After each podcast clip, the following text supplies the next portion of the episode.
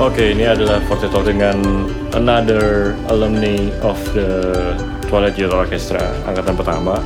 Waktu itu ada Rahman, waktu itu ada Dimas Pradipta, dan ini adalah Yaya, Wirya Satya Adinatya.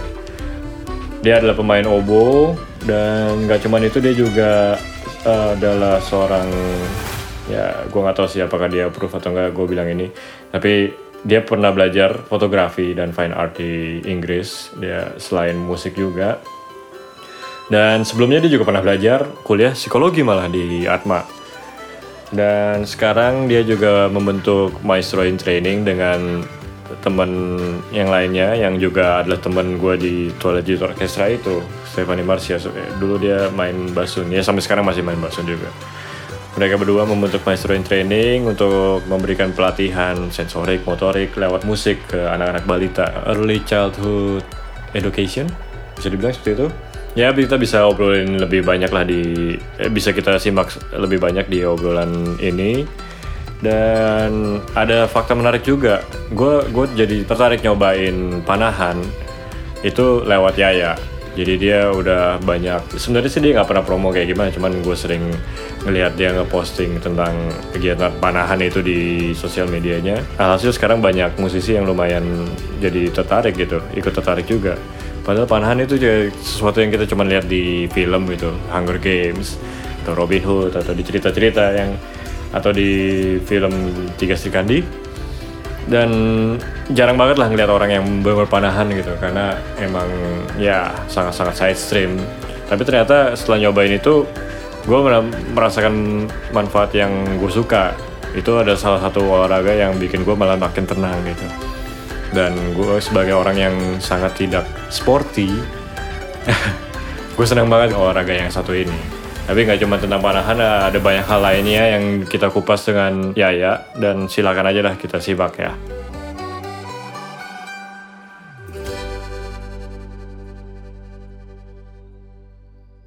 Oke, halo ya kabar? Baik, baik. Lo gimana? Apa kabar? Sehat di sini. Bali sepi nggak? Lumayan lebih sepi dikit sih kalau di Bali. Oh. Ya emang masa-masa gini lumayan sangat tidak biasa lah. Nah, lo kena efek kagak di sana? Iya efeknya sih gue lebih sering di rumah aja sih. Jadinya gue bikin konten ya kayak gini nih. Apa podcast gue juga masih tetap jalan. Gue pikir dan ternyata bisa pakai aplikasi-aplikasi ini ngobrol online. Hmm. Ya udah kita. Yoi manfaatin aja gitu jadi tapi kerjaan-kerjaan aransemen lo gitu-gitu jalan tetap ada yang jalan tapi kayak iklan gitu udah kelar nggak ada lagi lagi belum ada kerjaan lagi sih yang baru. Ya iyalah orang syutingnya berhenti iya. semua. Iya. Lo ngajar masih ada jalan online itu? Iya yang obo sih disarankan online yang hmm. MIT ya berhenti. Uh, tapi ini kita juga lagi pengen bikin apa kelas online juga. Kemarin sempat ngeluarin video kan sekali kayak cuma video beberapa aktivitas saja gitu berapa menit gitu yang bisa dilakukan itu gratisan aja gitu cuma saya tahu lagi-lagi menuju ke arah bikin kelas online juga. Hmm. Oh ada di mana tuh di di website ada? Sekarang sih baru di post di IG-nya kita, IG IG TV gua ada, terus di IG TV-nya si Bumi Playscape itu tempat kita kerjasama ada terus mereka minta kita bikin kelas online itu. Cuma kita ada tawaran juga dari parent story gitu. Tapi ya masih diproses aja. Soalnya eh, tetap aja kayak modulnya pasti harus agak beda sama kalau kelas live kan. Ada berapa hmm. properti yang nggak bisa dipakai kalau online gitu gitu. Oh, iya, jadi bikin lu... kelas yang tadinya uh. satu jam itu nggak terlalu susah. Ini bikin kelas setengah jam aja repot gitu. Karena anak kan kelas kita all about music and movement gitu. Kalau misalnya anaknya kagak bisa pakai properti kita, mereka di rumah bisa ngapain gitu kan. Oh iya, iya. ini gue baru buka nih dari Instagramnya Maestro in Training. Iya, uh, so far ya gitu music and movement. Tapi nanti kemungkinan sih ada ada sesuatu sih mungkin hmm. mulai minggu ini atau minggu depan gitu. Uh, gurunya sih uh, tetap mau apa bisa dipanggil untuk untuk shoot gitu tetap kan hmm. kita kan paling bertiga berempat gitu Hmm. Ini di mana Bumi Playscape? Iya, itu tempat di di Pacific Place. Oh, Oke. Okay. Tempat bermain, tapi mereka juga punya kelas-kelas kayak buat anak-anak juga kelas art, kelas musik kita, terus gua nggak tahu kelas apa lagi yang ada di situ. Oke, Ada Zumba deh kayaknya. Sumba. Oke, ntar akan bahas, bahas tentang master in training di pertanyaan kesekian. Ini gue mau nanya dulu nih, Ya. sebenarnya awalnya kenapa bisa lu spesifik banget milihnya oboe ya? Lu abis nonton atau dengerin siapa? Obo. Ah, ah.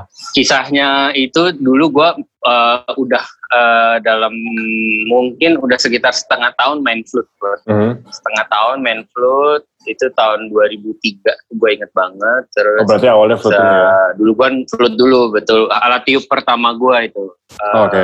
Gua waktu itu ngelesnya kan di YMJ Yayasan Musik Jakarta. Terus wa- waktu itu tuh mereka eh, kerja sama sama pemerintah kan bikin GBN pertama. Oh. Eh, Gita Bahana. Heeh, Gita Bahana yang pertama tuh kan dulu awalnya YMJ. kerjasamanya sama YMJ. Betul. Yayasan Musik Jakarta. Terus, ah, terus waktu itu sih gue belum tertarik musik banget kan dulu gue kan anaknya nggak suka musik. Oh, Eh, terus gue Bukan sport ya? cuma iya gue dulu kan lebih berenang gitu. Terus hmm. eh, stres gitu, stres. Hmm. Dulu gue tuh tiap minggu nganterin si kakak gue untuk untuk orkes gitu. Terus jadi nontonin dia orkes gitu. Terus kayaknya asik juga nih. Terus ya udah belajar dulu. dulu. Nana dulu awalnya biola pertama di Oh, main biola dulu. GBN ikutnya biola. Oh, oke. Hmm. Terus Oke. eh, akhirnya setelah GBN itu eh eh pas GBN gue juga udah main flute itu jadi sempat ada orkes gabungan antara YMJ dan GBN gitu kan. Gue Mhm. main flute. Terus eh, sama Ulung dulu ketemunya. Sama Oh, oke. Ya, ya, ya, ya. Terus uh, uh, uh, abis abis orkes GBN-nya selesai, orkes YMJ-nya kan masih berlanjut tuh. Terus ya udah gue ikut nih orkesnya tertarik. Nah pas itu baru tuh kan flute duduknya sebelah obo gitu kan. Gue Hmm. baru ngeh gitu. ah, Ini alat musik apa sebelah nih gitu. Siapa yang main? Kayak menarik terus eh, waktu itu puput Oh, Puput Obo. puput. Waktu itu langganannya YMJ kan puput. Hmm. terus tertarik ya udah eh, gua memberanikan diri untuk menjebol uang berenang gua Hmm. gaji-gaji pelada untuk beli obo gitu belajar Oh, sendiri aja karena orang tua udah iya jadi gua dulu abis eh, yang flute itu mau belajar obo nggak dikasih sama orang tua gua kan. Oke. terus. Jadi gua harus memberanikan diri pakai gaji berenang gua untuk untuk beli obo gitu. Gokil. cari di pasar rebo dulu pasar rebo Hmm, Obonya? dapat tuh obo obonya iya habis eh, itu sumbernya dapat dari si Nana. Nana kasih tahu dulu anak-anak marching band cari alat. Di situ ya udah gua gua ke pasar rebo eh, cari-cari obo akhirnya dapet tuh obo plastik pertama gua dua setengah juta Dua belinya setengah juta. iya lu ngarep apa dari dua setengah juta untuk Eh. obo gitu kan Walaupun untuk ya udah. juga itu mungkin bisa sekitar 5 juta atau 6 juta kali ya. Iya, ya udah. murah terus juga. coba belajar Hmm. sendiri aja, eh, otodidak gitu. Otodidak. Iya, apalagi dulu eh, otodidak, ya karena orang tua gua kan nggak ngasih, jadi ya Ah. otodidak. eh, otodidak sampai akhirnya gua masuk TYO. Hmm. Itu aja TY, TYO tuh kalau denger ceritanya si Eric gitu-gitu, iya kan gue dulu audisi flute pertama kan dan ya Oh, gua juga akhirnya. Uh, uh, jadi gue masuk TYO tuh sebenarnya flute. well, uh, gue rasa sih sebenarnya flute. Hmm. Uh, soalnya pas diterima tuh gue nggak dikasih tahu alat apa gitu kan, nggak dikasih tahu. Gue assume ya flute lah orang dulu main oboe tuh kayak main tujuh bar aja gue udah nyerah gitu loh. Eh. Irama gue udah. ya main Phantom of the Opera gitu Oh iya, itu. anjir delapan bar pertama uh, udah uh, uh, udah kagak kuat gua terus Hmm. tapi latihan pertama gua eh, eh, latihan pertama kita waktu itu nggak dikasih tahu gua apa alat yang diterima ya gua bawa dua-duanya Hmm. Eh, gua datang duduk di flute gitu karena gua assume gua masuknya flute Eh, Hmm. ternyata disuruh pindah gitu udah kau main oboe aja kan flute kita dulu rame gitu kan Ih, rame banget. Anjir. Iya, terus Udah kebanyakan. ya udah dari situ gue banyak belajar justru TYO itu terus les mulai les juga kadang sama Pak Juhat kayak setengah tahun sekali setahun sekali gitu Ah. masih masih sedikit banget lesnya, ya, lesnya. Ya master class ya. Iya, lesnya iya, tapi ya maksudnya berusaha keep it going aja gitu kan. Hmm. Uh, apa pun yang terjadi haj- hajar beleh gitu. Ya Iya. berkembang banyaknya dari situ, dari dari TYO itu. Sementara lu dulu Sampai gua akhirnya kuliahnya ke psikologi, psikologi terus betul. kemudian S2-nya fotografi dan musik, akhirnya Uh, musik tuh. Iya. Eh, well, waktu gue pergi ke Inggris pertama kali, gue sebenarnya kuliah S1 lagi fotografi. Oh iya, iya, fotografi itu S1. Start dari awal lagi gitu, dari found- foundation. Mhm. Tapi maksudnya gue lulusnya S2 akhirnya, karena setelah setelah dua tahun bachelor, eh, profesor gue rekomen kamu coba aja apply S2 langsung, terus dia kasih rekomen, Oh, terus ya bikin portfolio gitu. Toh gue udah punya S1. oke. Eh, kete- keterima di S2-nya, jadi gue tinggalin S1-nya bisa habis dua tahun tuh setahun. Harusnya kan gue setahun lagi baru selesai S1, tapi Mhm. eh, diterima di S2, S1-nya gue tinggalin gitu. Oh, Oke, oh bisa kayak gitu di sana ya. Nah, waktu lu selama lu di sana, lu kan Eh, juga bisa? Juga sempet ikut main musik eh, secara profesional di beberapa orkes, ya kan? Ada orkes komunitas, apa segala Iya. macam. Iya, orkes komunitas di sana tuh uniknya kayak gimana sih? Dibanding di sini gitu kan sering banget di sini oh, orkes di sini yang komunitas jarang banget kan, paling cuma ada satu doang yang gue tahu sih. Iya. Apa? eh, Orkes komunitas di sana, eh, pertama di London sendiri itu eh, jumlah orkes komunitas tuh 100 pasti lebih sih. Di London sendiri ada 100 lebih. di London heeh, ada 100 lebih dari di London sendiri gitu tiap eh ya siap nggak tahu gue tiap apa punya or ya tiap uni aja punya orkes tiap sekolah sekolah gue yang sekolah art aja punya orkes walaupun orkesnya super kecil kayak ensemble gitu Mhm. tapi basically eh, tempat untuk bermain itu banyak banget gitu Mhm. Eh, uniknya sebenarnya sih eh, ini macam-macam ya. Gua gua main di orkes komunitas tuh banyak macamnya. Jadi di sana levelnya aja macam-macam. Ada yang sesimpel kayak kita main musik bareng gitu. Mhm. Eh, konduktornya juga nggak bisa dibilang yang super profesional gitu. Tapi Mhm. rata-rata konduktor itu profesional. Rata-rata nggak ada konduktor coba-coba gitu nggak ada gitu. Konduktor dengan level mungkin dengan level yang paling cupu gitu yang paling gue nggak mau bilang rendah ya tapi yang Hmm. maksudnya yang less profesional gitu Mhm. itu aja lagi menjalani S2 conducting gitu Oh, oke. say gitu. itu Oke, oke. itu dan mereka untuk masuk ke S2 conducting itu kan syaratnya ya ampun beratnya gitu kan Iya, betul.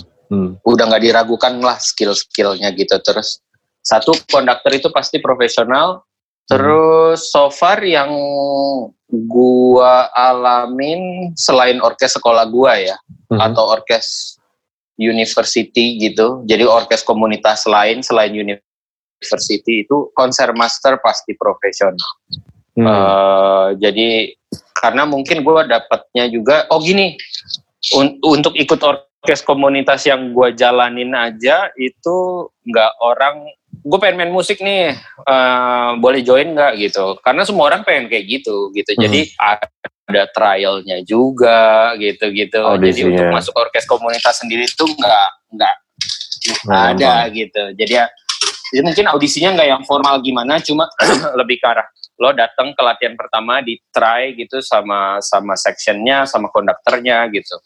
Eh, kalau mereka suka eh, ya udah lo dipanggil terus gitu dan rata-rata karena line up musisi mereka udah banyak kayak gua gitu kan jadi pemain cabutan gitu cabutannya Oh, oke. tuh dalam arti ad- ini ini satu orkes komunitas yang paling bonafit yang pernah gua tahu nih ya jadi Hmm. mereka udah punya sponsor latihannya di hotel gitu Wow. eh ya konduktor dan konser master udah pasti ya konser master kita basically s- sering dari pemain filharmonia orkestra gitu-gitu solisnya juga apalagi solisnya gitu konser masternya aja udah profesional solis-solis yang dipanggil pun ya gitu prinsipal klarinet ya filharmonia gitu-gitu main sama kita Oh, Oke. Eh, tapi karena untuk mencapai seperti itu ya karena memang anggotanya sendiri dulunya banyak kan sekolah musik. Eh, Oh. Memang level permainan mereka nggak bisa dibilang student gitu nggak bisa.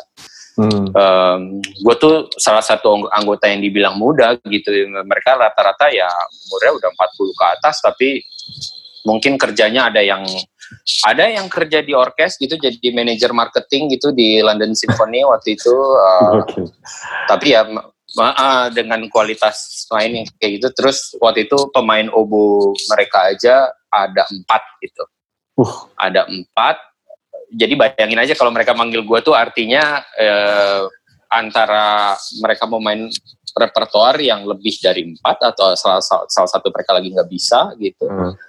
Um, ya gokil. Yang yang ini yang gue ngomonginnya yang yang pengalaman gue yang paling berkesan main di orkes komunitas sana ya.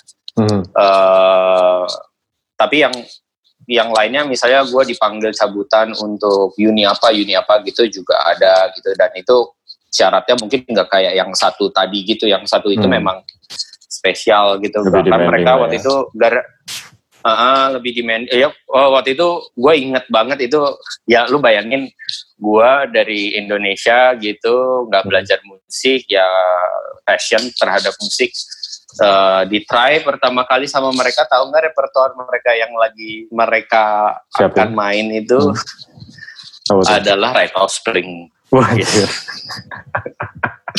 ya gue panik lah. Gak pernah baca sumur hidup part kayak gitu gitu kan. Tapi anggotanya sangat helpful so far hmm. waktu itu.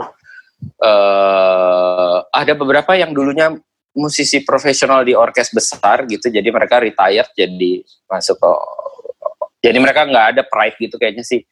Uh, mungkin hmm. adalah beberapa pemain yang yang yang modelnya pride tapi di orkes itu waktu itu nggak ada gitu. Hmm, hmm. Nah, gue kebagian pemain yang pride-nya agak-agak tuh malah dia ada di orkes lain gitu. Jadi orkes itu gue sangat sangat amat berkesan gitu. Terus hmm. um, apa namanya? Bahkan mereka sendiri itu waktu itu memut ada program kerjasama sama BBC Symphony Orchestra. Terus yang dikirim malah gua gitu. Oh ya. Jadi kita main bareng sama BBC Symphony gitu di di oh, Maidavale di studionya BBC gitu. Itu um, pemain obonya nggak tahu mungkin ada pada nggak bisa atau gimana tapi gue yang dikirim gitu kan. ya otomatis conducting konduktornya juga dari dari BBC gitu. BBC. Oke juga. Jadi lu uh, lu mainnya uh, sama orkes profesional sama orkes komunitas itu mungkin mungkin gak sih perbedaan permainan apa permainan mereka nggak segitu bedanya maksudnya walaupun orkes komunitas pun juga mereka ngejar artistik yang tinggi banget juga. Iya, itu udah pasti ya karena konduktornya sendiri kan ya emang profesional. Uh, punya standar yang uh, uh. cuma memang tetap berasa bedanya sih. Tetap hmm. banget berasa bedanya. Gue uh, main di orkes eh, maksudnya gue sempat ada kesempatan satu sama si BBC kan hmm. uh, itu mungkin belum terlalu berasa ya beda. Maksudnya berasa sih bahwa kualitas permainannya kayak apa berasa. Cuma yang lebih berasa lagi ketika uh, ada program yang serupa. Waktu itu gue ada sekolah musik hmm. Hmm, dari dari Royal Northern. Uh, hmm. Terus gue masuk di program yang main bareng sama Saint Martin in the Fields, ah. Akademi Saint Martin in the Fields. Um, okay wah itu sih baru banget berasa bedanya karena pertama orkesnya nggak pakai konduktor gitu. Hmm. Dan mereka orkesnya or mainin early music. Uh, uh, enggak juga, enggak juga. Oh, waktu itu kita main Mendelssohn. Oh, okay. Waktu itu kita main Mendelssohn Italian Symphony tanpa konduktor gitu, hmm. terus uh, bersama teman-teman dari RNCM juga. Uh, sama pemain-pemain mereka juga, wah itu baru ngerinya berasa. uh, karena memang lebih apa ya lebih lebih ketat lagi ininya apa. Tapi itu baru pertama kalinya gue merasa harusnya main orkes kayak gitu. Oh, oke. Okay. uh, eh, even maksudnya gue main sama konduktor sebelumnya gue nggak pernah merasa main main main orkes kan sebenarnya main chamber music yang besar gitu kan. Mm dan karena orkestra di level itu dan gak pakai konduktor konser masternya pengaruhnya tinggi banget. Gue baru merasa oh, oh. fungsi konser master tuh kayak gitu. Ngelitnya itu bener-bener entah hmm. oh itu, itu itu entah kenapa kayak uh, konsentrasi dan feeling kita terikat di musik itu uh, benar-benar fokus di si konser master gitu. Oke. Okay. Dan oh, tentunya sama sama sekitar kita gitu itu itu nggak ada kesempatan lu untuk bernafas lega gitu di di luar menciptakan musik itu nggak nggak hmm. ada gitu. Lu mesti fokus terus gitu, on terus. Mesti fokus terus ya. Pertama karena kita mainnya bukan kayak bah yang temponya stabil atau gimana. Ini main Mendelssohn tanpa konduktor gitu kan dengan musisi-musisi Akademi Saint Martin gitu. uh, dan, dan bedanya lagi gini, orkes komunitas tentu aja mereka ada latihan rutin gitu. Hmm. Sedangkan ada project-project di mana gue dipanggil ya orkes atau bilangnya semi pro kali ya, uh, hmm. ya job dapat duit gitu. Ya latihannya cuma sekali gitu. Hmm dan lu mesti harus bagus. Iya, latihan sekali dan kita nggak ngomongin repertoar Mozart gitu. Kita yeah. ngomongin waktu itu gua main uh, apa tuh? Um,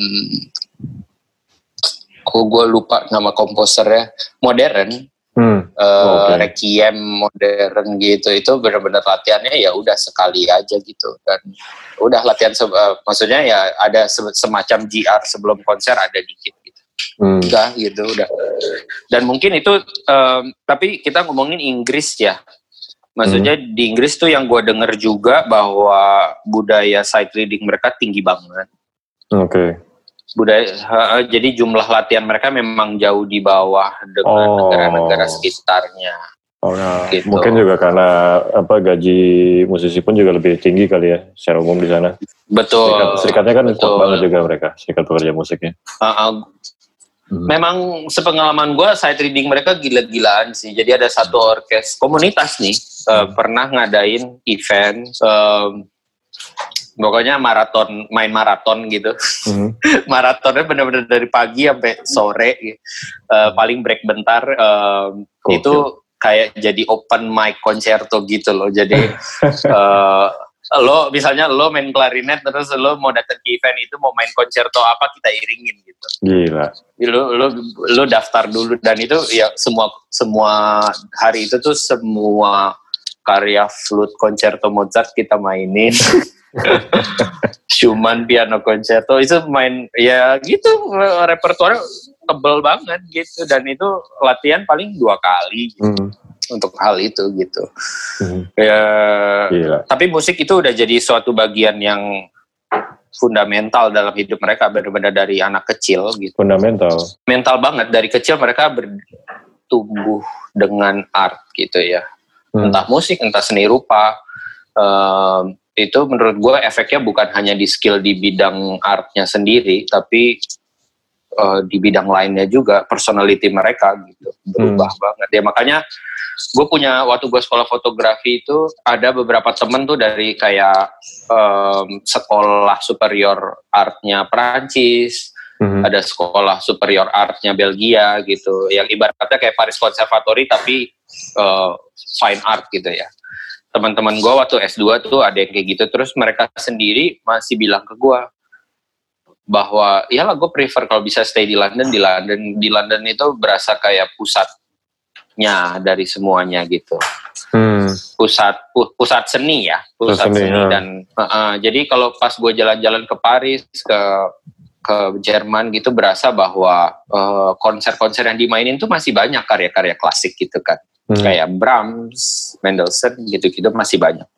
Hmm. Cuma kalau di Inggris sendiri tuh mereka ada kecenderungan banyak mainin karya yang lebih modern. Kalau okay. main karya yang karya yang klasik itu biasanya part of big series atau family concert. Family concert mainnya Korsakov Shahrazad gitu. um, ya itu itu family concert gitu kayak ya memang hmm. karyanya sangat visual sekali. Mereka memang udah tumbuh dari kecilnya diekspos dengan itu semua sih. Gue udah nggak heran sih. Jadi uh, punya gue sendiri banget ngerti perkembangan uh, apa teori apa nggak cuma teori tapi histori juga mereka udah melek banget ya perkembangannya si seni itu sendiri uh, uh, aja udah udah nempel sama uh, uh, uh, dan nempel sama personality mereka. Gue jadi gambaran gini gue hmm. waktu pergi sekolah fotografi itu gue nggak ngerti sama sekali dunia fine art. Hmm. uh, music suka gitu. Jadi ketika gue pergi yang gue harapkan ketika gue belajar fotografi adalah ya fotografi seperti yang kita lakukan di sini gitu kan Mhm. um, komersial apalah belajar lighting sangat teknikal sekali gitu tapi Hmm. pas gue sampai sana gue kaget karena course gue fine art ini foto bagusnya apa gue nggak ngerti gitu kan Um, tapi abis satu tahun Hmm.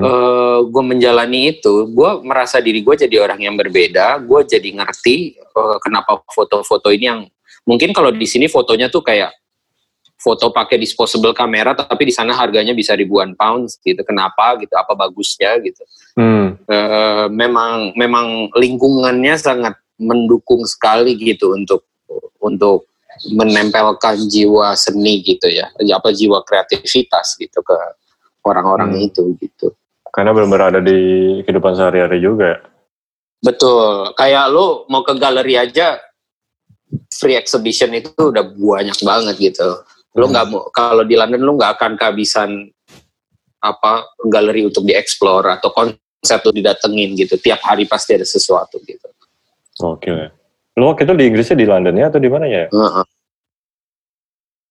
Gue waktu sekolah fotografi di London, Hmm. terus pas sekolah musik di Manchester Oke. gitu. Manchester aja sebenarnya eh, ya dibilang kota yang lebih kecil dari London kan, tapi ya kehidupan artistiknya ya oke London eh, jauh lebih ekstensif gitu, tapi Hmm. Manchester nggak di- bisa dibilang nggak ada gitu, galeri tetap ada, Hmm, hmm. eh, konser tetap lumayan banyak, mungkin nggak sebanyak di London, karena di London sendiri kan orkesnya ada berapa gitu. Iya benar-benar international city banget sih. Wah itu bener-bener gue baru berasa itu pusat dari ya pusat dari seni ini ya seni western gitu ya Ah, ah, benar. yang gue rasa sih. Mm. Oke. Nah berarti perbedaan yang signifikan ketika lo bermusik secara ya main main musik orkes di sana dengan di sini yang paling paling signifikan apa menurut lo? Eh, oh tergantung levelnya mungkin ya. Mhm. Tapi so far yang gue jalanin sih eh, ya nggak tahu mungkin orang pengalamannya beda-beda. Mhm. Eh, tapi gue merasa di di sana tuh nggak ada orang yang dominan yang menentukan eh, pokoknya musik gue yang paling bener gitu. Eh, kita satu section misalnya Woodwind ada 20 orang gitu waktu itu lagi Right of Spring ya nggak ada yang merasa satu orang tuh yang lo ber, gua gua gua salah lo bener gitu nggak nggak ada sih kayaknya gue berasa nyaman banget main musik tuh berasa nyaman Eh, karena we karena kita tahu kita semua tuh mencoba yang terbaik gitu Hmm. Eh, dan mungkin karena waktu itu tuntutannya ya orkes komunitas ya Mhm. mungkin waktu semi pro waktu semi pro sih gue juga nggak nggak menghadapi ini sih apa kayak masalah dominasi oknum-oknum di di orkes gitu gue juga nggak merasa sih maksudnya mereka juga chill-chill aja gitu enak-enak aja nggak nggak berasa gue lebih hebat dari lo juga uh, suportif gitu gitu, maksudnya. yang Ah, ah, suportif yang yang gue berasa itu suportif terus eh, kok mungkin karena konsep bermusiknya udah lumayan serupa ya Mhm. mungkin ya Iya berarti Jadi, apa standarnya kurang eh, lebih sama, jadi mereka udah tahu oh Ah, ah. ini begini-begini. Iya, heeh. terus misalnya eh, mereka apa misalnya kita ngomongin piano atau forte gitu itu yang paling gue berasa bedanya di Hmm. sini sama di sana sih. Mhm. Em, kalau di sini piano forte ya sesimpel kita main volume gitu ya. Mhm. Kalau kalau di sana enggak gitu. Kayak Apalagi di Jerman gitu. Di di Jerman orkesnya kayak Berlin Philharmonic se- sepowerful apa ya pianonya nggak mungkin sepiano kita di sini kalau kita bahasnya dari segi volume ya tapi lebih ke Hmm. karakter gitu memang Eh, piano tuh karakternya gimana forte gimana of course ada ada ada unsur volume juga di situ tapi eh Lebih ke apa, intensitas, Oh, oh sama ini Nah, intensitas terus sama yang paling berasa tuh color. musik itu musik musik itu nggak stagnan gitu di sana. Eh, dalam arti, oke, misalnya kita di sini lagi main Mozart gitu di Indonesia. Semua orang punya pengetahuan tentang Mozart, tapi akhirnya semua orang sudah sangat yakin dengan pengetahuannya sampai kita tuh nggak mencoba mengulik sesuatu yang lebih interesting lagi. Oh, oke. Uh, gitu. Kalau di sana, ini gitu doang gitu yang nah, uh, ya. Kalau gue berasanya di sana hmm, lebih itu sih, lebih eksploratif lagi gitu. Mus- eh, garapan musik, ya memang tergantung konduktor ya pasti kan. Tapi Hmm. konduktor-konduktor yang gue alamin di orkes yang semi pro gitu sih eh, sel- eh, itu berasanya kayak ngasih inspirasi sesuatu yang baru walaupun kita cuma main Mozart gitu. Hmm. Maupun sesuatu mainin suatu repertoire yang udah ber, berjuta-juta kali didengerin, dimainin, tapi tetap Aha. ada sesuatu yang bisa baru gitu rasanya, yang bisa digarap ya. Iya dan itu mungkin mungkin itu bedanya level permainan di sana juga ya. Maksudnya ketika gue main di eh, orkes university gitu Hmm. sama di orkes yang semi pro ya rasanya bedanya di situ juga. Mungkin tuntutan konduktornya juga beda kan soalnya kan. Hmm, hmm. eh kalau di university kayak tempat gua sekolah fotografi konduktornya kan nggak nggak demanding bahwa kita bisa main sebagus apa gitu yang penting kita seneng main bareng Oh, sebagus iya, iya. mungkin kita bikin musik gitu Hmm. Em, paling kayak gitu Eh, tapi kalau misalnya kita main semi pro tuh somehow ya ada gitu ada ada rasa bedanya Oke. Terus eh, iya itu ikatan antara eh, yang yang gue berasa tuh yang Academy Saint Martin itu yang ikatan antar section antar musisi sama kon- konser master itu mungkin salah satu pengalaman di mana gue benar-benar berasa terikat sama musik gitu itu hmm? gue gue belum benar-benar belum mendapatkan pengalaman yang serupa lagi setelah itu gitu Misalnya dalam hal apa nih misal? Eh, dalam dalam hal chamber music ya Oh, yang tadi lu Oh. ceritain itu. sempet sih sempet sih sekali lagi karena gue main di recitalnya eh, ini, ini kisah lain lagi gue dipanggil sama sekolah eh, konservatori Lausanne gitu Mhm. untuk main di konser teman baik gue kebetulan dia pertukaran pelajar dari sana dari sekolahnya si Lila tuh terus dia Oh, oke. disuruh bikin konser sama sekolahnya di, di Swiss dia mau gue main di konser itu dan teman gue memang orang yang eh, apa taste chamber musiknya kuat gitu itu kalau orang yang jiwanya chamber musiknya kuat tuh bikin hawa kita membuat musik bersama ketika kita ber- bermusik itu beda sih Hmm. Karena emang lebih ada Karena interaksinya ya antara antar musisi kalau di chamber music deh dengan main betul orkestra. itu yang betul itu yang yang yang masih sangat jarang bisa didapatkan di sini gitu. Yang gue merasa something yang gue miss banget gitu. Hmm. karena kalau di sini juga ibaratnya susahnya memang itu. Karena misalnya kita mau chamber music tapi ada oknum misalnya yang yang dominan gitu ya udah kita semua kan akan berusaha ngalah gitu. Karena takutnya ntar dia ngomongin gua di sini apa gitu gitu kan masih ada politiknya gitu loh seperti itu ya. iya itu itu nggak bisa dihindarin tapi maksudnya ya eh, we all try to make living gitu kan sayangnya keterbatasan kita sampai situ aja Padahal itu berpengaruh ke ekspresi musikal juga gitu kan. Apakah kita akan Oh, banget. punya punya ekspresi yang lebih lebar lagi secara warna musik Iya. yang dihasilkan atau enggak? Oke. itu ba- banget sih itu benar-benar betul banget Nah, ini kan gue pertama kenal lo di Toilet Youth Orchestra. Tadi gue juga habis wawancara Rahman, juga dia Toilet Youth Orchestra angkatan pertama juga. Terus di hari sebelumnya lagi gue wawancara si Dimas Pradipta, dia juga sempat di Toilet Youth juga kan. Nah sekarang eh, ya lu sama Rahman sama-sama masih aktif di dunia orkes. Eh gue udah nggak seaktif itu sebagai pemain. Si Dimas sekarang jadi mixing engineer, jadi produser, main drum di mana-mana. Walaupun bukan musik orkes. Nah, lu sendiri sama alumni Toilet Youth yang satu lagi. Namanya Stephanie Marcia, lu bikin Maestro in Training. Nah, ini kan yang gue tangkap adalah ini betul. pelatihan pelatihan sensorik dan motorik untuk balita dengan musik. Tapi nggak nggak cuma musik klasik sih ya, yang gue lihat ya. Enggak Nah, enggak sih Eh, apa yang yang menjadi dorongan kuat eh, untuk kalian bikin Maestro in Training ini?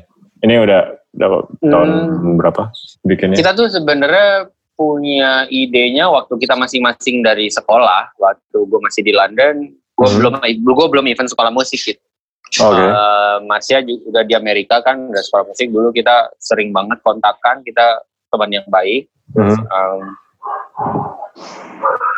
dan ya kita pengen dulu awalnya pengen bikin institusi pendidikan musik bareng-bareng kantor kalau lulus gitu, Oh, Oke. Um, awalnya gitu terus tapi general kan kita nggak tadi nggak kepikiran spesifik ke early child education Mhm. terus eh, pas gue pulang eh nggak sebelum gue pulang kita mulai ngobrol nih eh kita mau nggak bi kayak bikin eh, spesifik buat anak-anak karena waktu itu Marcia lagi kerja di art center di sana Mhm. terus dia eh, art center itu kadang-kadang punya program itu musik buat eh, anak-anak gitu. Oh, Oke. Eh, ya udah pas gue pulang kita bicarain itu itu dari eh, 2016 Mhm.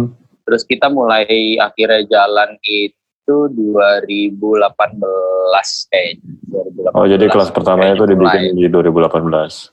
Bentuknya sama nggak dengan yang sekarang? Betul. Udah banyak berubah? Eh, tentu aja banyak berubah ya karena tapi ya berubahnya dalam arti terutama eh, kontennya gitu kita kan maksudnya pas gue pulang oke gue punya pengalaman di bidang psikologi waktu di psikologi pun gue sempat nanganin training buat anak-anak gitu-gitu gue lumayan ini kali ya tahu skill-skill yang dibutuhin gitu ya Oke. Eh, terus tahap perkembangan anak pun ya kira-kira ada di otak gue lah gitu.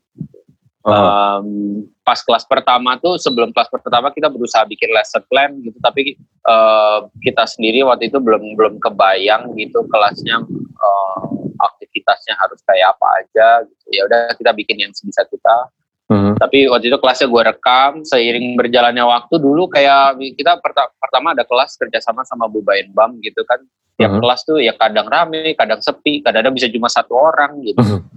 Eh, tiap kelas gue berusaha eh, kebetulan di, di Maestro kan gue yang banyak nanganin soal akademis Mhm. gue berusaha apa nih yang bisa diimprove dari kelasnya sendiri apa kita harus sudah punya satu model yang pokoknya di tiap kelas tuh harus ada belajar ini belajar ini gitu. Nanti cara belajarnya bisa macam-macam. Oh, Oke. untuk dapat form for formula format itu ya butuh waktu berapa lama ya waktu itu ya? Mungkin lebih dari setengah tahun. Dulu kita nyampur sama aktivitas sensori juga awalnya. Sensori Hmm. yang benar-benar sensori gitu. Mhm. karena kita pikir kelas yang lagi laku waktu itu sensori kita nggak tahu kelas musik kayak gitu. Kita awalnya pengennya musik. Mhm. tapi ya awalnya berat nggak laku gitu. Terus mencoba improve sensori itu kan pengertiannya luas ya ya udah kita pokoknya keep keep improving keep doing aja apa yang bisa kita masukin ke dalam modul kelas Mhm. marketingnya juga kita pikirin waktu itu gimana cara berkembangnya ya udah akhirnya sampai tahap sekarang gitu. Sekarang kita udah mulai ketemu formulanya di kelas tuh harus ada belajar apa aja gitu di kepala gue sih ya ada. Walaupun dulu awalnya tuh kita benar-benar nggak kebiasaan orang diriin gitu harusnya survei sama kompetitor gitu ya. Kita harus Eh. tahu mereka tuh di kelas ngapain. Ini enggak gitu kita benar-benar konstruk dari awal Ah. gitu jadi apa yang kita bikin sekarang tuh ya memang buah pikiran gitu eh, nggak Dan nyontek hasil gitu dari ya. trial and error juga ya. Betul gitu. Mungkin ada lagu-lagu yang kita oke kita ngambil dari YouTube gitu lagu-lagu. Namanya lagu anak kan ya orang-orang cuma gitu-gitu aja. Banyak kan tuh lagunya melodinya mirip kata-katanya diganti gitu. Iya, udah betul. juga. Nah. Nah, tapi eh, intinya sih gitu. Um, Iya, gue pernah ikutan juga kan berapa format kali. kan. kelasnya gitu sekarang mulai. Ketika lo ikut itu formatnya udah lumayan fix kayak gitu tuh. Iya sih, yang gue lihat waktu itu Ah. gue pertama kali ikut tuh adalah konser Hmm. si Cipete. Yang kedua itu main di acara ulang tahun anak di Jakarta Selatan. Terus habis itu yang ketiga, yang kemarin gue ikut di kelas ya di apartemen itu juga. apartemen juga kan. Hmm. Nah, ah, ah. Ya bentuknya sih mirip-mirip Iya, sih. betul. Ya, Walaupun emang yang konser itu lebih spesifik emang untuk untuk main musiknya aja gitu. Iya betul. Tapi kita nggak pengen konser tuh biar namanya anak gitu kan harus uh, di entertain sesuatu harus nggak nggak bisa modelnya cuma cuma konser dengerin gitu sih rasanya. Dan maksudnya kalau bisa pun misalnya di luar negeri pun ada kan konser anak. Banyak kan Hmm. model mereka juga cuma dengerin gitu tapi uh, pasar di sana sama pasar di sini beda. Hmm. Jadi gue berusaha juga improve gitu kalau di di yang menarik buat pasar di sini itu apa dan yang baiknya kira-kira bisa ditambahin tuh apa kita kita tuh coba bukan cuma performer main tiap lagu ganti lagu ganti lagu enggak gitu kan hmm. Hmm. mereka harus dapat sesuatu ketika datang ke event-event kita gitu. Hmm, ya lebihnya apa ya buat daripada cuma sekedar main musik doang. Iya betul. Namanya Berarti, anak, lebih hmm. bagus kalau ada interaksi gitu. Ah ya ya, faktor interaktifnya itu yang jadi sesuatu oh. yang juga menurut gue sih unik gitu dan gak cuma unik tapi juga nilai tambah dari kegiatan kalian sih yang gue lihat. Cuman yang gue gue lihat beda itu adalah ada banyak instrumen yang baru yang unik-unik yang kalian perkenalkan di konser atau betul itu itu memang akhirnya dulu awal-awal kita jalan nggak ada tuh modul kenalan instrumen tuh nggak ada. Hmm. Uh, tapi kita pikir kekuatan kita tuh apa sih? Oh ya, gue kan pemain orkes ya, sekeliling gue kan hmm. musisi semua dan anak-anak ini bagus juga kalau dari dari dini hari itu udah udah diekspos dengan suaranya macam-macam. Gitu. Hmm, betul. Dan uh, apa gue lihat tadi cuma ngekspos suara bagus kalau mereka bisa ingat nama alat musiknya dan ternyata bisa gitu. Gue ada Ingat, ya? beberapa ya? klien gitu hmm. umur waktu itu masih umur dua dua setengah gitu ya hmm. itu tapi kayak udah tahu obo lebih tahu oh. daripada biola gitu oh, jadi okay. waktu itu gue sempat mikir di kelas ini kayak 10 tahun lagi obo lebih populer dari biola ya karena gue kan yang yang ngajar di situ kan gue mau nggak gue kan nggak bisa main biola. Jadi gue eh. bawanya obo terus ketika gue nggak ngeluarin obo mereka suka nanyain obo mana obo? Aduh. Udah familiar dari ya, awal. ya, gitu. Iya uh, berarti kan sebenarnya ada satu faktor berhasil di situ kan. Anak umur dua aja bisa gitu untuk tahu instrumen kalau kita bawa diekspos terus suaranya terus betul, betul. bahkan anak itu pun juga udah bisa mengasosiasikan misalnya warna sama nada gitu udah bisa. Oh, Oke. Okay. Kita kan ngajarin ngajarin ngajarin nada gitu pakai warna kan. Sekarang hmm. anak itu kalau kalau ngeliat warna nyebut nadanya gitu. Oh. A B C D E F G. Gitu. Jadi kalau uh, ya dan oh, itu itu perubahan kelas juga tuh. Jadi awalnya kita pengennya musik banget, terus kita nggak ngerasa itu nggak laku, kita jadiin kayak music sensory gitu. Hmm. Tapi ter, somehow ternyata ya balik lagi ke kita kekuatannya di musik ya udah akhirnya banyak belajar musik juga kita banyak memperkenalkan elemen-elemen hmm. musik gitu mereka mereka tahu staccato legato gitu oh oke okay. mulai mulai anak-anak kecil itu udah mulai mulai tahu gitu tapi tentu aja misalnya yang yang bayi banget gitu Hmm. Mungkin karena ngomong aja belum lancar gitu ya kita kita nggak peduli mereka bukan nggak peduli ya eh, nggak uh, peduli kata yang salah uh, bukan intinya mau memperkenalkan mereka dengan istilah-istilah musik atau konsep-konsep musik. Hmm. Oh iya memperkenalkan konsep iya tapi nama itu belakang. Oh, Oke. Okay. Misalnya staccato iya mereka tahu staccato itu itu apa mungkin nantinya belum tentu tahu namanya apa tapi hmm. itu masuk ke alam bawah sadar mereka gitu bahwa hmm kalau staccato tuh begini, kalau legato tuh begini. Oke. Okay. Iya ya, apa Kayak, yang pelajari semuanya kepake ya? Psikologi. Kepake, kepake enggak? Musik. Kepake yes. akhirnya iya, fine iya apa kalau di iya fine art kalau di kelas sendiri kan kita pasti ada craft. Craftnya sendiri berhubungan sama musik, tapi ya akhirnya ilmu gue yang itu kepake juga. hmm. Nyiptain suatu bentuk visual dari musik yang bisa dikerjain sama anak gitu yang berkaitan dengan musik gitu karena gue harus nyampur semuanya uh-huh. misalnya kita mau apa mereka ngewarnain touch piano gitu karena uh-huh. hari itu kita materinya memperkenalkan piano kan kita kenalin nada again pakai pakai warna gitu gue harus mikir kan gimana ngedesainnya gitu bentuk-bentuk uh-huh. di kertasnya gimana ngewarnainnya untuk anak umur berapa pakai apa apa nempel stiker apa gitu-gitu kan dipikirin hmm. semua semua desain itu juga harus dikerjain kan Iya, yang lu bikin sampai sekarang sih masih akan jadi template gitu nantinya untuk kalau kalau lo mau yeah. scaling up bisnisnya gitu. Jadi nggak cuma yeah. bergantung pada lo sendiri doang ya. Hmm, hmm, hmm. Ya, so far sih gue merasa apa yang kita lakukan ada banyak manfaatnya sih. Ya kita kan nggak tahu kadang-kadang ada tipe orang-orang yang pengen pengen pembelajaran tuh hasilnya kelihatan langsung. Misalnya gini, Mhm. Misalnya gue ngajarin lo main obo, nada do re mi fa sol gitu. Akhir lesson lo harus main do re mi fa sol. Hmm. Tapi ada orang yang kalau di Inggris sendiri kan tipe pembelajarannya gitu kan, nggak nggak. Maksudnya tipe marketnya juga bukan yang uh, ikut kelas musik mereka kan nggak akan berharap anaknya ikut kelas dua kali kelas musik terus udah bisa ngikutin ritme gitu kan enggak. Mhm. Kalau mungkin kalau pasar di sini akan ngeliat gitu, cuma pasar di sana kan enggak. Mereka sedangkan kita berusaha kayak eh, kalau di anak kecil tuh belajar pakai repetisi. Oke, mereka akan mulai bisa ngikutin ritme kapan ya? Mungkin setelah setahun ikut kelas kita rutin gitu mungkin. Mhm.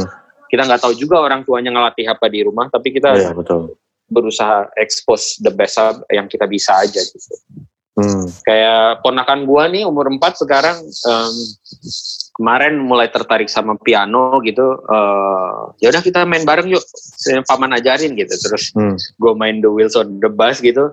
Dia Hmm. bisa ngikutin ritmenya walaupun mencetnya terserah apa gitu ya. Oh. Itu kan satu step awal belajar Betul musik. betul. Ritmenya dulu. Heeh, bahwa heeh, lo bisa ngikutin ritmenya dulu gitu. Wah ini udah modalnya, udah modal ritmenya udah kuat tinggal ya memang belajar nadanya gitu. Hmm. Terus misalnya anak kecil udah ikut kelas kita berapa kali, misalnya bisa nyanyi nyanyi nyanyi suatu nada, suatu lagu yang gak Hmm. susah dengan nada yang tepat gitu. Hmm. Walaupun mereka nggak tahu itu namanya do re mi fa sol, tapi mereka dengan Bisa nyanyinya. dengan konsep bunyi, heeh, berarti mereka udah tertanamkan sebenarnya itu nadanya Betul. apa gitu. Gue sendiri bukan tipe orang yang misalnya denger denger musik itu gue bisa nyanyiin melodia tapi gue nggak tahu itu nadanya apa gitu gue nggak seperfect pitch itu gitu yang penting kan konsep itunya masuk juga Betul. gitu. anak-anak kecil ini ada yang udah mulai ini loh gue train eh, ear training gitu ada mereka udah bisa beda bedain do mi sol gitu Oh ya? Bisa. Iya, jadi kita kita pakai bel, gue main bel apa, gue umpetin, terus mereka nemuin bel eh, yang suaranya mirip gitu. Hmm. Itu itu ada yang udah bisa umur tiga gitu. Ada interaksinya yang mereka bisa ini ya tunjukin gitu. Mm-mm. Nah ini kan di mastery training bisa dibilang sarana untuk lu meng- menyebarkan apa yang lu pernah pelajari ke orang lain dan dalam hal ini adalah Mm. orang tua anak-anak ini dan si anak-anaknya juga kan. Tapi dari, dari di sebaliknya apa yang lu pelajari dari setelah berapa tahun lu menjalani ini mastery training? Wah banyak banyak gitu. Yang- Wah itu lebih menarik lagi. nah, Eh, yang paling penting lah ya dua hal lah gitu yang paling yang lu syukuri gitu. Oke, em, pertama sistem gua dalam mempelajari suatu hal baru Hmm. karena gua dipaksa untuk ngajar orang Mhm. mikirin gimana orang ini bisa belajar ini gue sendiri jadi punya oke ternyata belajar ini caranya gini gue coba terapin di diri gue gitu Mhm. terus hasilnya lebih mudah gitu Hmm. terus lebih Dari jembatan kalau budayanya itu ya. iya betul biasanya kan performer performer kita berusaha ngajarin apa yang kita tahu lewat informasi gitu tapi Hmm. gimana cara build orang belajar lewat inspirasi Hmm. instead of informasi. Ah, Keren, itu keren, itu keren. sesuatu yang ah, ah. Itu itu sempat jadi topik esai gue waktu gue sekolah fine art juga sih. Gimana art itu jadi media untuk orang belajar gitu, untuk menemukan suatu knowledge baru. Oh, Ketika maksudnya kalau kalau iya kalau orang lain kan belajar lewat informasi lo dikasih gue kasih tahu lo ini Mhm. A pitch 442 gitu kan itu informasi oke. Hmm. tapi gimana cara membangun informasi itu dari dalam itu kan berarti inspirasi kan art itu sebenarnya gini misalnya gue ngeliat suatu lukisan gitu Mhm. Eh, lukisannya kurang jelas informasi yang mau disampaikan apa dan mungkin lukisan yang bagus pun informasi yang disampaikan gak cuma satu Mhm. cara orang ini ngelihat luki oh, gue ngeliat lukisan dapat inspirasi oh jangan-jangan eh, padahal lukisannya nggak nggak related sama sekali sama knowledge gue gitu kayak misalnya kayak kayak apa ya kayak Mhm. eh, Isaac Newton gitu yang tiba-tiba dapat inspirasi tentang teori gravitasi dari dari apel jatuh Apel jatuh ya betul. sama aja gue gua ngelihat lukisan apa gitu lukisan Yesus gitu terus Mhm. tiba-tiba dapat inspirasi soal sejarah yang lain bisa jadi gitu Iya betul. ilmu pengetahuan yang lahir dari inspirasi menurut gue itu yang membentuk sesuatu yang lebih eh, original gitu ya Lebih. dan itu yang gue dapetin dari MIT so far tuh banyak kan soal itu tuh inspirasi gitu gue dipaksa untuk menciptakan sesuatu yang baru karena kelas berlangsung terus gitu gue pun tadinya ilmu psikologi yang sudah tidak pernah gue sentuh gitu kan jadi sentuh lagi terus Terus sama satu lagi gue Ya. dulu gue orangnya berantakan ya mungkin sekarang tetap berantakan tapi less berantakan gue harus lebih sistematis lebih terstruktur gitu. Iya, lebih terstruktur dalam dalam personality gua gitu. Walaupun mental berantakannya juga mungkin masih ada gitu. ya harus seimbang lah.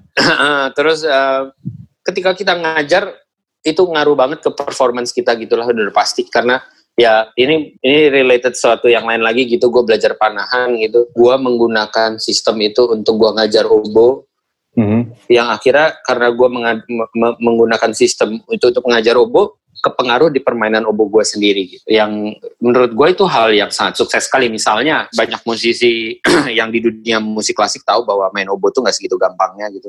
Menciptakan suara bagus itu butuh waktu yang lama banget. Uh, sekarang gimana nih kita bisa men- menstimulasi otot-otot yang tepat? Kalau di panahan kan gitu kan. Mhm. Menstimulasi otot-otot yang tepat. Keti jadi ketika lo belajar lo nggak terlalu mikir banyak bahwa mulut gua harus gini gini gini. Oke itu ada tahapnya gitu tapi eh, gimana cara gua kasih instruksi itu nggak banyak tapi anak itu tuh udah menggunakan otot-otot yang tepat untuk membentuk embouchure mulutnya gitu. Dan akhirnya itu gue terapkan di diri gue sendiri gitu. Jadi sesuatu yang sangat efektif gitu. Oh, dan efisien juga. efisien juga betul. Itu suatu suatu yang uh, gue lumayan grateful dari semua yang gue lakukan di hidup gue sih. Maksudnya panahan itu di luar konteks pembicaraan kita tadi tapi itu Hmm. suatu yang inspiratif sekali buat gue Ya sih kembali ke topik tentang inspiration itu sih. Itu itu sesuatu yang bisa spark ide-ide lainnya yang membantu kita untuk belajar untuk untuk menjalani hidup yang lebih baik untuk Hmm. bikin habit yang lebih efektif dan efisien lagi untuk self improvement. betul Nah. betul itu itu kalau Uh-huh. kalau gue bisa bilang dari waktu gue mendarat di Indonesia pertama Mhm. sampai gue sekarang eh, berapa tahun kemudian ini itu Hmm. eh, gaya permainan obo gue sudah banyak berubah Mhm.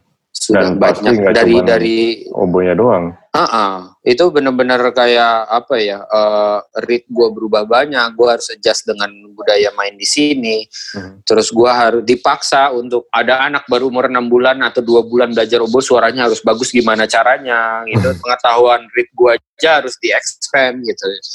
Mhm. Itu sesuatu yang University of Life banget sih. Ya, ya cuman bisa dipelajari dengan menjalani hidup. Betul, betul. Dan apalagi waktu gue di Jerman pun kan gue dikasih tahu mereka tuh pemain-pemain Berliner tuh kan sibuknya luar biasa gitu. Gimana Hmm. mereka tetap keep up sama skill itu kan gimana gitu. Eh, ya Hmm, mereka betul. latihan, iya. Tapi latihannya pun harus ja- jadi sesuatu yang efektif, bukan ke latihan ketika kita waktu dulu di sekolah yang berjam-jam gitu. Mhm. Mhm. Mereka latihan waktunya sangat sedikit sekali. Mereka cuma akhirnya latihan skill gitu, etut gitu, udah gitu nggak akan belajar sesuatu yang itu. Tapi yang gue rasa gitu kita kita belajar musik tuh ngelatihan latihan etut aja benar-benar main lagu jadi gampang semua gitu sih. Gue makanya jarang main lagu lagi. itu mungkin Oh. harus lebih diseringin. ya juga ya. Nah ini sebenarnya sih gue ada pertanyaan yang tentang panahan itu sih. Ya berhubungan dengan panahan tadi. Bisa dibilang Nah, lu tuh adalah duta panahan di kalangan musisi. anjir itu racun tempatnya kalau orang-orang racun. udah berapa orang apa anak musik yang musisi yang udah jadi, jadi doyan panahan sekarang gara-gara lo? Selain gue. Eh, yang oh ada ada ada Dani Biola, gue sebut namanya. Boleh Dani. Um, oh, yang um, udah udah beberapa orang. Ada yang sebelum wabah virus ini benar-benar lumayan rutin sama gua gitu seminggu sekali. Ada yang udah rencana beli bow, ada yang Oh. udah gua dorong beli bow, ada yang udah beli bow. Oke. Uh, gua udah gak tahu ada berapa orang gua racunin sih, tapi 20-an lebih. ya yang akhirnya itu panahan mungkin belum. Oh, Tapi Oke. gua nggak tahu yang udah gua racunin udah ada 20 atau belum, mungkin udah yang nyoba bareng gua gitu. Cuma yang benar-benar keracunan akhirnya mau menjalani dunianya mungkin belum 20 gitu. Gua juga nggak sesering itu ngajak orang gitu. ya lu nggak maksa Hmm. juga gitu. Cuman eh seru deh gitu. Mau nggak? Oh kok nggak mau ya? Iya, ha. Iya, ha, ha. itu bukan suatu yang gua paksakan juga kan. Jadi gue seneng aja gitu ada teman-teman musisi yang bisa ikut gue gitu untuk panahan karena akhirnya mereka mendapatkan inspirasi yang sama kayak gue. Oh, soalnya kan kita tahu kadang-kadang dunia musik klasik itu bisa intens banget. Nah, benar. Jadi dun- dunia yang intens ini menciptakan suatu karakter yang khusus gitu di dunia Mhm. musik yang Lebih kaku kadang-kadang menurut gua bukan masalah kaku enggak aja tapi kadang-kadang bisa less sportif gitu. Gue Oh, mau oke. mau nge-share soal bahwa kita di olahraga itu kan harus sportif kan. Eh, ken- ketika lu bisa mengembangkan personality baik itu kenapa gak dilakukan gitu? Kenapa kita harus stuck di suatu yang makin lama bikin kita jadi orang yang lebih negatif gitu dan sebenarnya itu yang ketika ada orang yang keracunan panan sama gue gue bisa nge-share mereka soal uh, gimana panahan tuh bisa lu relate sama musik hmm. bahkan secara nggak usah secara yang tadi gue bilang uh, apa elemen-elemen di panahan yang lo uh, teknik-teknik yang harus lo kontrol supaya mendapatkan hasil yang konsisten. Enggak tapi lebih masalah mentality untuk jadi sportif itu satu. Terus mm-hmm. gimana di panahan itu lo tetap butuh ritme kayak di musik. Mm-hmm. untuk bikin hasil yang indah. Kalau di musik kan kita butuh ritme untuk bikin hasil yang indah. Mm-hmm. di panahan itu sama lo oh, lo nggak akan bisa bikin hasil yang konsisten di angka 10 kalau ritme lo kacau. Itu sesuatu yang sama banget di musik buat gua. Mm-hmm. itu itu yang menurut gua efek paling besar. Gua belakangan dikasih PR sama coach gua gitu karena lagi corona gitu kan. Dikasih. PR scoring nih. Lu udah lama nggak scoring scoring gitu gue menemukan skor gue tiba-tiba lompat naik gitu. Oke okay, mungkin gue selama ini banyak latihan teknik gitu-gitu. Tapi yang gue rasain di ketika scoring itu ketika shot-shot sukses gue yang bikin angkanya jadi segitu lompatnya adalah ritme. Hmm. gue begitu hilang ritme nanti ada satu set gue yang tiba-tiba nilainya anjlok gitu. Itu karena gue hilang ritme. Oke. Okay. sama di musik sama.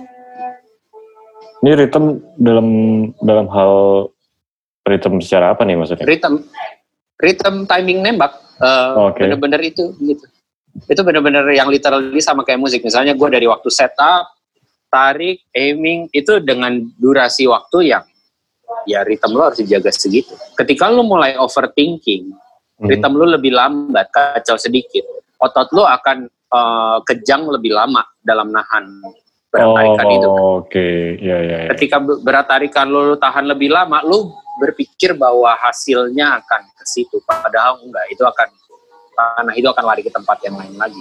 Oh, oke okay. udah bangun masa memorinya itu ya. konsistensi iya jadi rhythm timing itu benar-benar sama kayak di musik gitu. Mm -hmm lo lo lo main musik gitu tiba-tiba temponya jatuh di tengah jalan gitu feeling musik secara keseluruhannya kan ngawur gitu kan. Betul betul.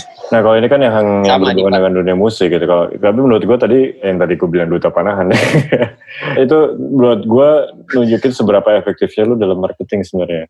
Jadi lu tanpa berusaha terlalu gimana tapi orang jadi penasaran nyobain itu dan apakah ada yeah, hal yang yeah, sama yeah. yang lu terapkan di bisnis lu gitu di mesin training? Iya, yeah, maksudnya gue juga dapat banyak masukan dari sekitar gue gitu bahwa gue tuh bukan bisnismen yang baik gitu ya. Mm -hmm.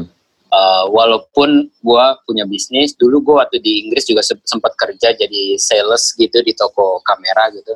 Mm. Bahkan maksudnya kalau di sini tuh orang secara gamblang lu lu, lu Cina tapi kok banget bisnis lu tuh jelek banget gitu. Maksudnya juga sama, kemampuan gitu. lo Iya makanya, gue gak tahu nih. Kayaknya gue lebih memanfaatkan orang yang memang sudah tertarik. Oh, Oke. Okay. Gue mungkin gak terlalu bagus nih untuk menjaring orang-orang yang baru gitu. Oke, okay, gue bisa cerita banyak. Mungkin cerita gue yang akhirnya mungkin membuat mereka mencoba. Mungkin gue orangnya pinter cerita aja. Tapi itu sangat-sangat ini sih berpengaruh sih karena pada akhirnya mau bisnis lo apa pun marketing itu adalah soal bikin orang yang penasaran dan jadi ya ngebeli kan atau setidaknya akan akan yeah. melihat ngelihat nilai-nilai yang lu wakili dalam dalam brand lu itu jadi sebagai sesuatu yang dipandang baik oleh mereka gitu. Ya mungkin nggak yeah. cuman dan kebetulan marketing tapi juga branding sih itu. Ya kalau di MIT gue tuh bukan bagian marketing makanya karena gue dapat oh. masukan bahwa gue nggak pinter jualan. Ya. Oke, misalnya gue lagi bikin dulu bikin video awal-awal soal promo gitu ya hmm. mungkin karya gue tertuang di situ mungkin ya untuk yang disebut marketing. Cuma dari segi menyebar luaskannya sendiri sih gue nggak nggak terlalu pintar. Ya follower Instagram gue aja kayak hmm. cuma berapa ratus gitu. Gue bukan tipe orang yang yang bisa super aktif uh, di di media sosial gitu berkaitan dengan HP setiap saat gitu. Gue benar nggak bisa sih Ya kalau gue ngeliatnya sih ini lebih ke extension dari apa yang kita ngerti tentang tentang marketing secara global. Tapi ketika klien ketemu lu, ya yang gue, itu yang gue lihat sih ya, ada kepercayaan yang tinggi dari mereka gitu bahwa lo datang untuk memberikan sesuatu yang oke okay buat mereka gitu dan mereka akan jadi yeah. uh, klien yang loyal juga dengan keberadaan lo. Setidaknya itu sih yang lihat. Betul. Kan itu juga bagian dari marketing. Iya betul. Ya sisanya sih kalau ketika kesuksesan itu timbul ya mungkin ya karena gue mencoba menuang. Ya oh ini salah satu kata dari guru obo gue waktu di Manchester. Mhm. Gue tuh punya waktu yang sangat singkat sama dia kan. Gue kuliah musik kan cukup singkat gitu. Dalam Oke. waktu tujuh bulan tuh gue ha- harus final recycle gitu. Anjir. Eh, iya karena gue masuknya telat dan Mhm. gue ngambil program intensif gitu yang yang harusnya kuliah kelar dua tahun tiba-tiba setahun harus kelar terus Hmm. gue sendiri karena ada masalah visa jadi gue datang ke course total dua bulan jadi dalam waktu Oh. benar tujuh bulan les tuh gue tuh mesti recycle kan dan setiap les itu eh maksudnya di di ujung les ketika sebelum recital tuh berapa les terakhir tuh kita udah nggak nggak bahas soal teknik yang gimana banget gitu kan enggak apalagi lu kuliah S2 gitu kayaknya nggak terlalu gitu. Terus ada satu kata-kata guru gue yang gue inget gitu. Ya ya gue enjoy banget ngajar lo. Lu tiap datang tuh ngasih personality yang sangat enak gitu dia bilang gitu. Lu datang pakai celana yang kelihatannya nyaman banget terus kadang-kadang se- setiap sebelum les gue pasti entah kenapa gue copot sendal atau jadi lesnya nyeker gitu atau atau Oh. pakai kaos kaki doang Ah, gue berusaha membuat diri gue nyaman gitu ketika gue les. Dan cara gue berinteraksi sama guru gue juga dia dia suka banget dia gue bilang dia bilang gue orang yang sangat warm gitu gitu. Ini salah satu feedback dia waktu itu soal gue main obo uh, di les keberapa sebelum terakhir. Tapi ketika lu main obo lu tiba-tiba berubah jadi orang yang sangat kaku gitu dia bilang gitu hmm. lu terlalu overthinking soal teknik ini intonasi apa segala macam ya kira musiknya nggak keluar Hmm. dia bilang gitu. Gue pengen musiknya tuh keluar dari personality lo, dia bilang gitu. Udah nih, gue berusaha les berpikir soal masalah teknis gitu. Udah les berikutnya musikalitas udah lebih keluar. Hmm. Dia bilang musikalitas yang keluar sekarang adalah musikalitas akademis. Dia bilang. Iya, maksudnya orang tahu lu main Mozart, kira-kira main staccatonya gimana gitu-gitu. Hmm. Eh, semua orang bisa bikin itu. Personality lu mana? Dia bilang gitu Oh, oke. memang akhirnya uh, kita tuh harus mengeluarkan personality kita ketika kita kita bermain dan itu bukan hal yang gampang Mhm. buat beberapa orang itu hal yang gampang tapi Hmm. buat buat gue itu bukan hal yang gampang karena gue orangnya gampang misal ditegur orang ya udah gue bener-bener ngikutin Hmm. apa maunya dia gitu kan itu yang mengunci kita kan sebenarnya Mhm. Hmm. ya da- kalau kita kalau mau mengekspresikan personality dalam bermusik gitu itu yang mengunci gua untuk berekspresi lebih lewat musik gua tapi itu sesuatu yang yang yang yang gua harus work on it juga. Yang akhirnya waktu itu final recital sih dia bilang oke gitu. Keluar Hmm. personality. Of course masih bisa jauh lebih karena gua udah tahu lo kayak apa orangnya dia bilang gitu. Ya oke maksudnya final recital gua seumur hidup nggak pernah recital tiba-tiba ujian akhir gue 45 menit main obo gitu. Dulu yang main tujuh bar aja saya nyerah gitu tiba-tiba so 45 menit. Eh, itu kan sesuatu yang lompatan banget buat gue gitu. Itu bukan sesuatu yang easy banget buat gue main satu sonata aja gue dulu mikir nggak kuat gitu apalagi 45 menit recital gitu kan. Hmm. ya 45 menit betul harusnya manusia yang oke kan kita berusaha berkembang terus gitu Hmm. kadang-kadang ada ada aja orang yang stuck gitu ya Ya, mesti overcoming itu sih hal ya apa yang bikin kita stuck dan ya gue bagi sih kita yang punya guru ya itu sih bisa ngarahin. Nah, gue sih cukup salut. Nah, gue cukup salut sama banyak banyak banget sih sebenarnya musisi yang musisi yang bener gitu yang bisa mengekspresikan apa yang mereka mau ekspresikan gitu. Tapi uh, ada plus minusnya mungkin nanti uh, di kehidupan nyata mungkin ya karena mereka nggak biasa filter, uh, mungkin ego Iya. mereka juga keluar di personality mereka. Betul betul. Gitu. Ya, kita harus tahu balance-nya aja gitu. Ya apalagi kan kita sebagai orang Asia biasanya lebih lebih cenderung ini kan kita pengen conform to the society gitu. Cenderungannya seperti itu. Dan untuk ngeluarin Betul. personality dalam musik kita agak lebih struggling kita dibandingin misalnya orang Amerik gitu yang lebih lebih ekspresif. Tapi ya ada plus minusnya juga kan. Mak- Maksudnya orang-orang luar ini dengan budaya individualitas mereka juga mereka nggak nggak ada kontrol soal. Maksud gue itu mau mau gue, gue mau buat ini ya itu mau gue gitu kan. Hmm, hmm. Kalau di sini kan eh, justru di sisi sebaliknya gitu. Tapi kita untuk dapetin orang dengan dengan balance yang tepat itu yang susah kan Betul. antara budaya individu dengan budaya konformnya gitu. Hmm. gitu. Mereka harus tahu kapan mereka bisa mengeluarkan eh, misalnya mereka tahu bahwa mereka egonya tinggi. Mungkin perwujudannya jangan dikeluarin dalam dalam uh, opresif ke orang lain gitu ya. Lo boleh ngeluarin itu, maksudnya alangkah lebih positifnya lo ngeluarin itu ketika lo bermusik, ketika lo bisa mengeluarkan personality lo di situ secara full gitu kan. Hmm, ketika itu memberikan impact yang positif. Betul. Gitu. Hmm. lo bisa ngeluarin dominasi lo ya ketika kapan gitu, jangan jangan lo ngasih dominasi lo lo terus membuat orang lain merasa terintimidasi terus lo membuat hidup mereka lebih sengsara gitu. Hmm. ya semua pada iya, tempatnya lah, semua pada waktunya lah. Iya idealnya gitu kan, hmm. tapi kita tahu kan manusia tuh, ya gitu manusia, itu manusia. Berarti untuk ke depannya apa rencana lo dengan entah entah lo pribadi atau dengan master training atau apa pun rencana pribadi gue jadi archer profesional ya.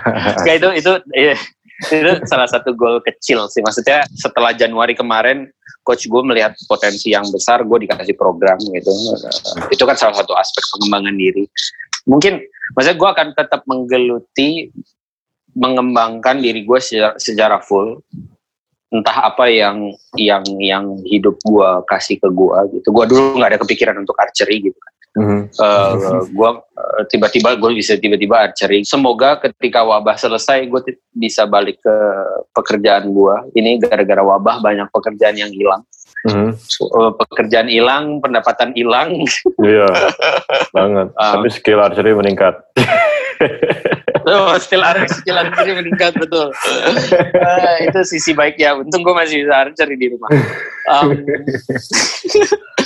MIT ya, gue gue ber, ber, ber, berharap sih MIT berkembang. Ini kita juga lagi melewati masa susah kayak gini. Semua kelas, semua event cancel. Ya kita berusaha memproduksi sesuatu karena kita ada pegawai-pegawai yang harus dikasih harus makan dibayar, juga gitu. Betul.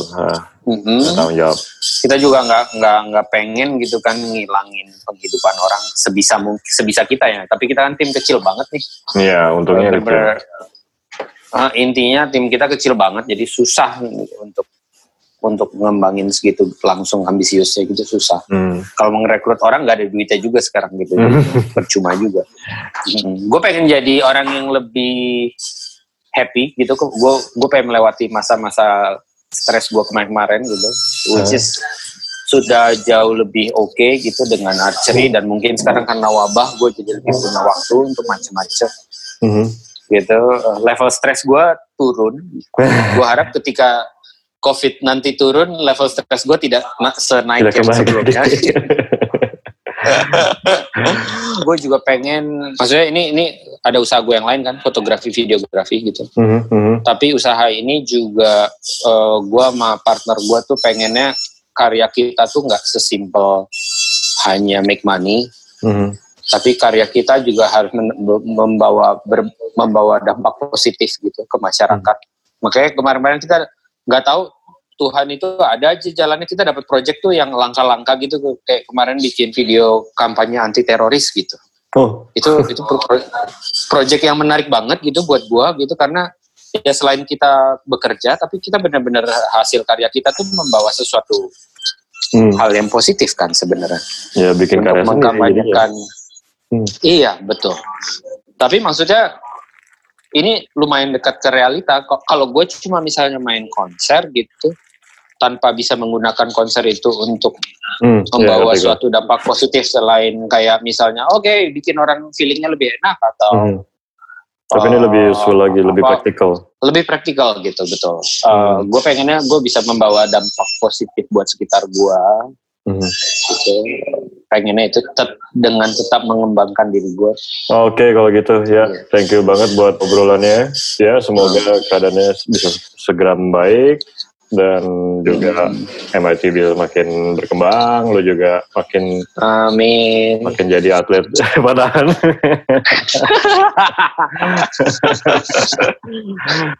ya semoga tercapai lah target-target selanjutnya gitu juga di masa yeah. Gue bukan orang yang pakai target kok, cuma berusaha berkembang sebisa gue berkembang aja. Kalau yeah. hasilnya, gue bukan orang yang ini kan yang ikut kompetisi gitu juga bukan, gue bukan uh -huh. orang yang kayak gitu.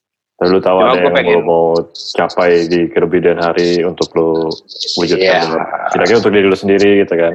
Iya. Yeah. Hmm. Ya gue pengen jadi orang happy aja. Amin. Oke lah kalau gitu. Gitu. Thank you bro sekali lagi. Thank you banget. Have a nice Thank you day. banget Andreas. Nah, Ah, ah, selalu senang berbincang-bincang. yo gue juga. Ntar gue ke Jakarta lagi, gue, gue ikutan lagi panahan. Nah, itu yang paling penting. ya. Kalau Sorry. perlu ke Jakarta, misalnya masih wabah begini, panan tempat gue juga gak apa-apa. Bisa. Ya kalau kalau masih wabah ya gue gak ke Jakarta. Aduh, ini wabah merepotkan sekali. Oke lah kalau gitu. Thank you ya. Ah, thank you banget, Bre. Yuk. Sehat-sehat ya di Yuk, sana. sehat juga. Uh, Ya.